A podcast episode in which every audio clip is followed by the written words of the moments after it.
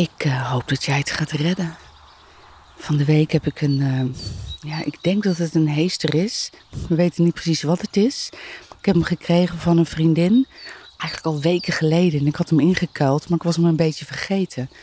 En eh, ik liep er vorige week langs en toen zag ik dat er wel aan het uitlopen is, maar mondjesmaat en ook wat ja, verdorde takken begint te krijgen. Heb ik hem heel snel ingegraven, flink wat water gegeven, houtsnippers erbovenop gegooid. En hij lijkt, hij lijkt het te gaan doen. Ehm, maar dat hoop ik dus ook. Het is echt een heel leuk, schattig, ja, best wel hoog opgaand struikje. Met mooie kleine blaadjes. Het begint ook wat uit te lopen. En ehm, ik weet dat er iemand luistert die nu denkt: dan moet je die app installeren. Daar heb ik je over getipt.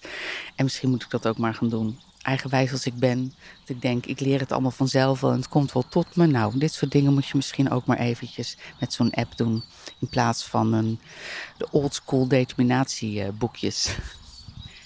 Dus ehm, ja, tijd voor de app.